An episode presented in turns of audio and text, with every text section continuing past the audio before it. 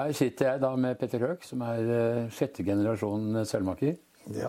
I en bedrift som er i hvert fall Drammens eldste. Det er en av Norges eldste, tror jeg. I Ja. Ja. Jeg tror Ulefoss jernverk eh, Det er riktig. Er Ulefoss er nok eh, enda eldre. Men, men dere er i hvert fall eldst i Drammen. 250 år sammenhengende. Men nå er det slutt. Ikke helt slutt, men jeg prøver liksom å finne en litt soft, soft avtrapping. Ja. Ja. Har det litt med å gjøre at det er vanskelig å få neste generasjon involvert? Er det litt at det er tøffere Ja, for og- meg og så dette- omstilling i, i bransjen? Nei, For meg så har det ligget i kortene en stund, for jeg visste liksom at barna har valgt andre veier. Og jeg har vært klar over at det kom til å ende på denne måten, kan du si. Så ingen overraskelser. Og ikke noe bad feelings heller. Det er liksom eh, naturlig konsekvens av Mm. sånn markedet er i dag. Ja. Altså, er, som vi var inne på, så du er du sjette generasjon. eh, Så det betyr jo at, eh, at det liksom har gått fra den ene til den andre. Det var, men det var ikke nødvendigvis slik at du skulle bli seilmaker. Nei, jeg kan ikke si at jeg følte noe press på det. Nå var ikke jeg skoleflink, sånn som mine barn har vært, så jeg hadde liksom ikke samme valgene. Samme valgmulighetene. Men eh, jeg følte det veldig naturlig og var interessert i seiling som ganske ung.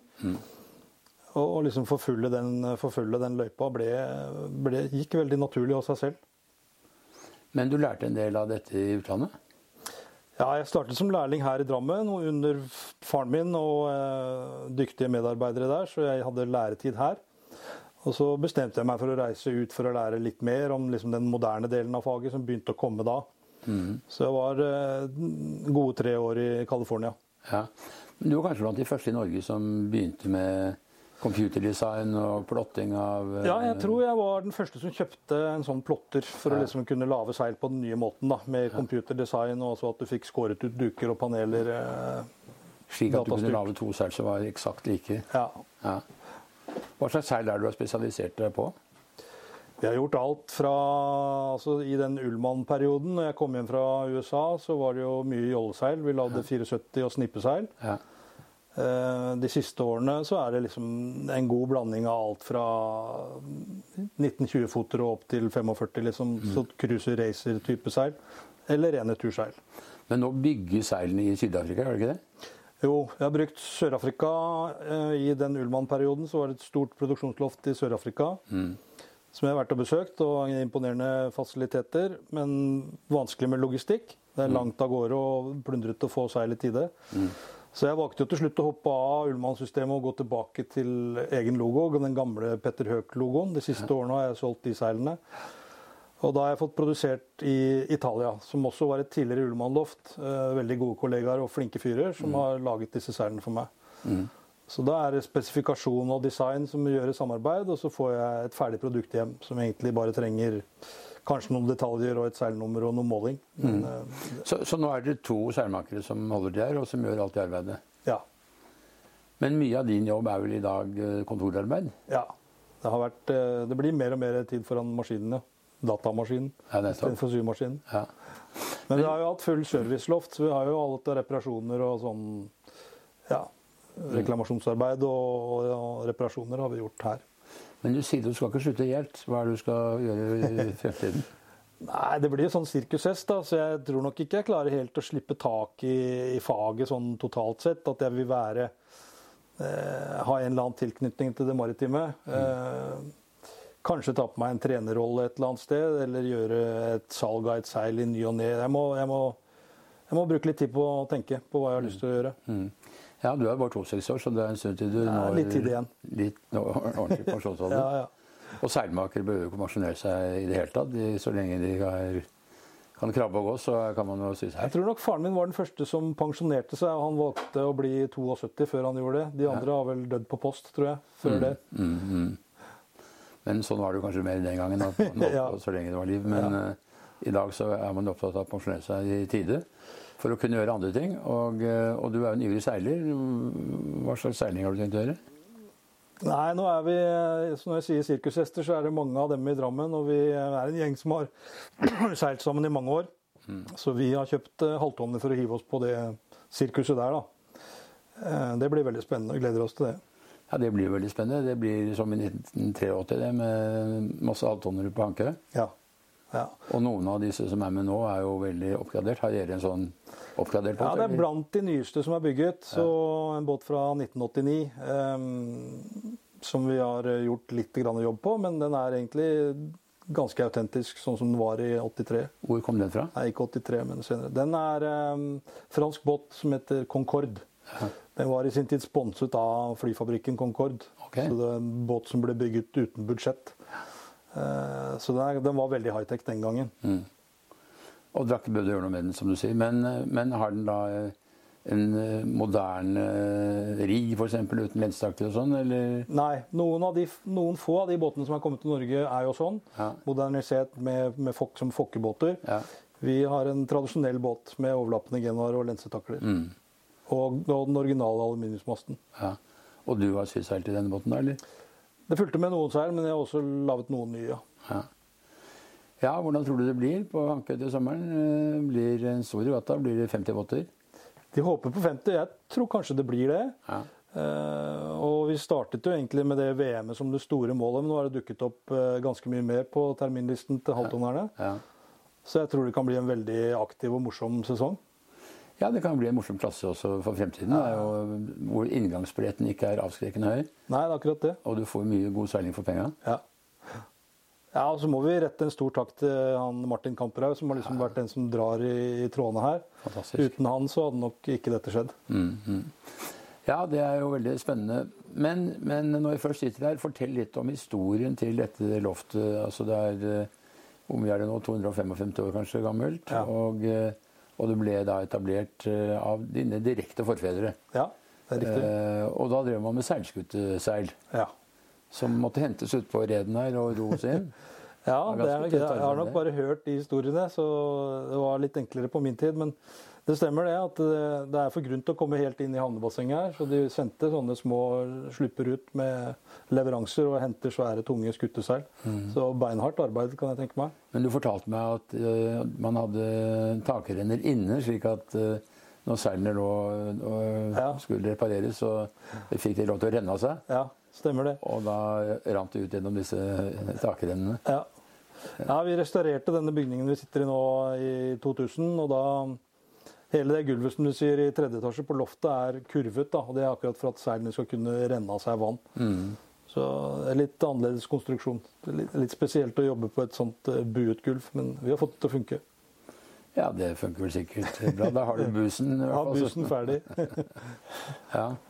Eh, Så eh, det var altså dine forfedre som startet med dette, og, og, eh, og som sagt så har du holdt på da i din generasjon, eller i din familie i, i alle disse årene. Ja. Det var ikke, du klarte ikke, det var ikke aktuelt for dine efterkommere å fortsette det? De var utdannet til noe annet? Det har vært diskutert, men eh, akkurat som faren min ikke la noe press på meg, så har jeg prøvd å ikke gjøre det heller. Og de har fått velge sine egne veier. og jeg er nok egentlig glad for at de har landet i andre jobber og komfortable, gode jobber. Så Men kommer du til å ha noen form for aktivitet med seil? Litt reparasjon, litt spesialbestillinger eller noe sånt som du syns er gøy å jobbe med? Jeg håper egentlig det, at jeg skal finne meg et eller annet spor hvor jeg kan fortsette å ha en fot inne i bransjen og gjøre akkurat de tingene som jeg syns er morsomt. Så på et eller annet vis så skal jeg nok eh, jobbe sånn sett i noen år til. Ja, men jeg skjønner jo at når du nå legger inn årene, som vi sier, så, så gjør du det jo med rak rygg og heder. Det er ikke slik at du må slutte, men du har valgt å gjøre det Ja, fordi av de årsakene som vi har, eh, har nevnt. ja absolutt et bevisst valg. Så jeg har hatt en veldig god kollega i mange år, og vi har snakket om dette en stund om at når er siste sesong, og var enige om at eh, nå passer det. Nå har vi, vi har helsa i orden og lyst til å gjøre andre ting og bruke tiden på kanskje litt mer enn å jobbe så mye. Eh, La oss snakke litt om eh, den perioden som du har hatt. Altså, du begynte her i 1983-82. Ja, Så var du her en stund, og så dro du til USA ja, og var der i tre år.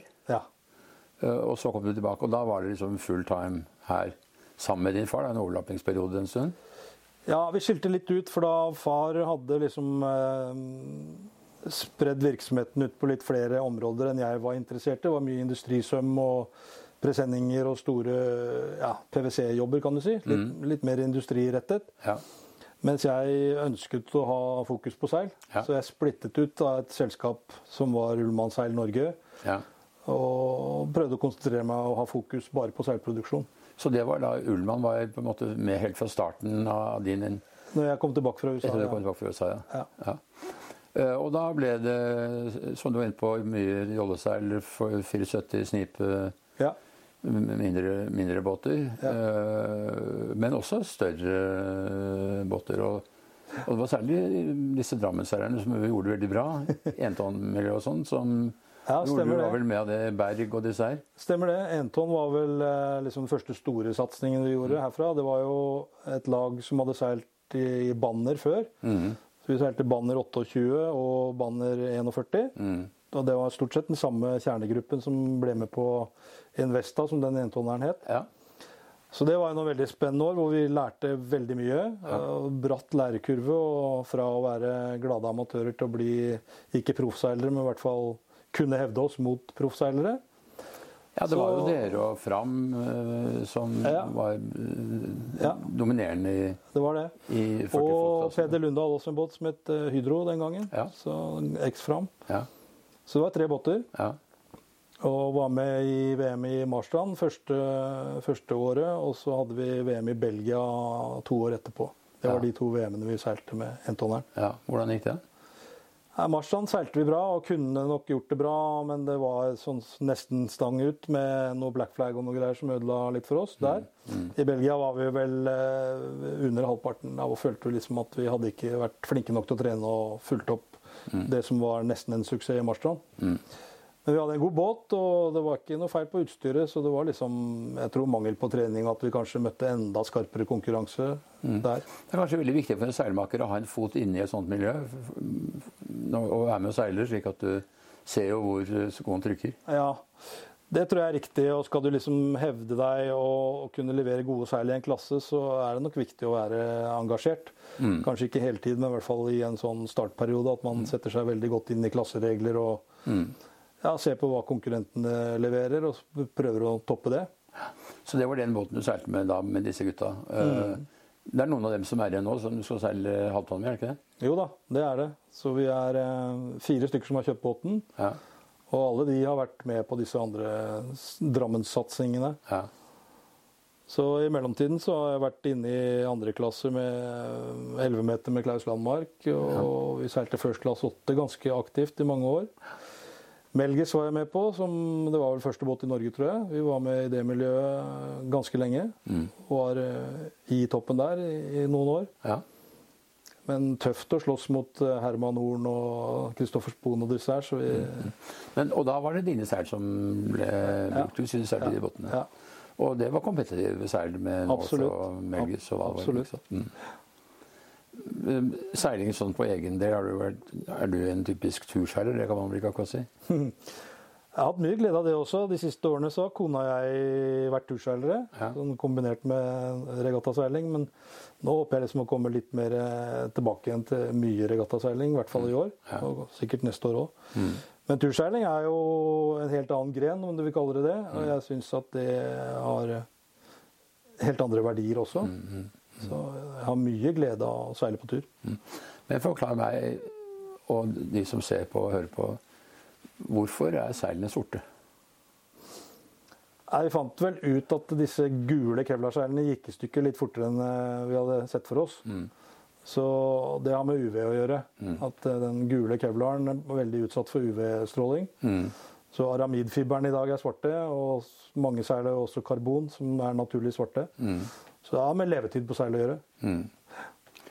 I dag er jo seilene har, de har jo lengre levetid. De er dyrere å kjøpe, men de har lengre levetid, og de holder formen bedre. Ja, det er det du kan si. Men du sier fremdeles noe seil av dakken, gjør du ikke det? Veldig få tradisjonelle crosscut Dakron som det heter, da, med de vanlige liggende panelene. Mm. Men turseil i dag er gjerne litt mer avanserte. Og det vi typisk ser, er jo at standardbåter som blir levert med, med de rimeligste turseilene Da bruker kanskje de kundene et år eller to på å finne ut at det fins noe som er bedre. Jeg kan gjøre båten min mye bedre å seile med enkle grep. Og da er den oppgraderingen til liksom neste nivå turseil, som er type radialsydde seil i cruiselaminat f.eks., mm. har vi solgt ganske mye av. Mm. Og det er veldig gode, fine, holdbare seil. Mm. Er de litt stivere også? Eh, litt formstab mer formstabile, ja. Mm, mm, ja. Eh, hvis man var et ung og skulle ha et, eh, et rimelig seil i dag til en 25-foter, hva skulle man gjøre da? Da ville jeg kanskje sagt at uh, crosscut ville være helt supert til en sånn størrelsebåt. Mm. Det har jo noe, mye med størrelsen på båten å gjøre. Mm. Jo større båt du har, jo mer kreves det av seilduk for at den skal holde fasongen sin. Mm. Ja, eh, Petter Høk, eh, det har vært morsomt å snakke med deg om en veldig spennende bransje. Eh, og eh, når du nå gir deg, så er jo det vel vitende om at det er mange ting som skal skje videre i livet. Så vi regner med at vi får kontakt med deg fremover, og ikke minst se deg på fjorden. Og vi ses nok igjen. Eh, og kanskje i forbindelse med Halvton-VM. Der skal vi i hvert fall være. Ja, du òg? Ja, det må vi nok regne ja. Takk for praten. I like måte.